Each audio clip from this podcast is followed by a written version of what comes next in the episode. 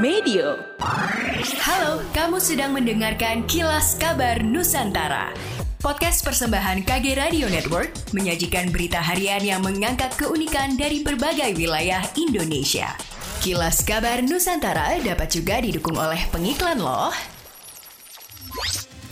Kasus rabies di Sulawesi Selatan tengah menjadi fokus perhatian.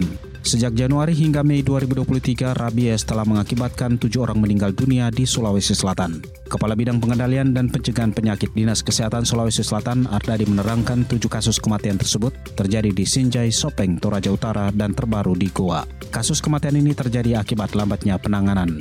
Ardadi menyebut angka kasus gigitan hewan penular rabies GHPR di Sulsel cukup tinggi. Dinas Kesehatan Sulawesi Selatan mencatat pada tahun 2022 terdapat 7.009 GHPR dengan 14 kasus kematian. Kasus terbanyak terjadi di Kabupaten Toraja Utara dengan jumlah 1.114 kasus. Berdasar postur anggaran pendapatan dan belanja daerah APBD Kota Surabaya tahun 2023 diketahui 50,2 persen dari total anggaran 11,2 triliun rupiah atau sekitar 5,627 triliun rupiah diperuntukkan bagi pemenuhan kebutuhan anak. Selain itu, Wali Kota Surabaya Eri Cahyadi juga memastikan keterlibatan anak dalam proses perencanaan pembangunan melalui musyawarah perencanaan pembangunan dari tingkat kota sampai kelurahan sesuai dengan SOP Musrenbang hingga melibatkan partisipasi publik dalam menangani problem anak seperti halnya saat memberikan bantuan tebus ijazah dan bayar tunggakan biaya sekolah kepada ratusan pelajar SMA SMK swasta se-Surabaya saat awal bulan Juni ini. Pemerintah Kota Makassar terus mematangkan persiapan menjelang penyelenggaraan Rapat Kerja Nasional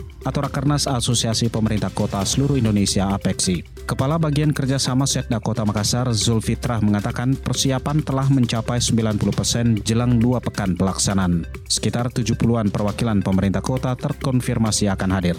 Pihaknya mengaku optimis sukses dalam penyelenggaraan. Lantaran tupoksinya tinggal melanjutkan event nasional dan internasional yang sebelumnya terlaksana.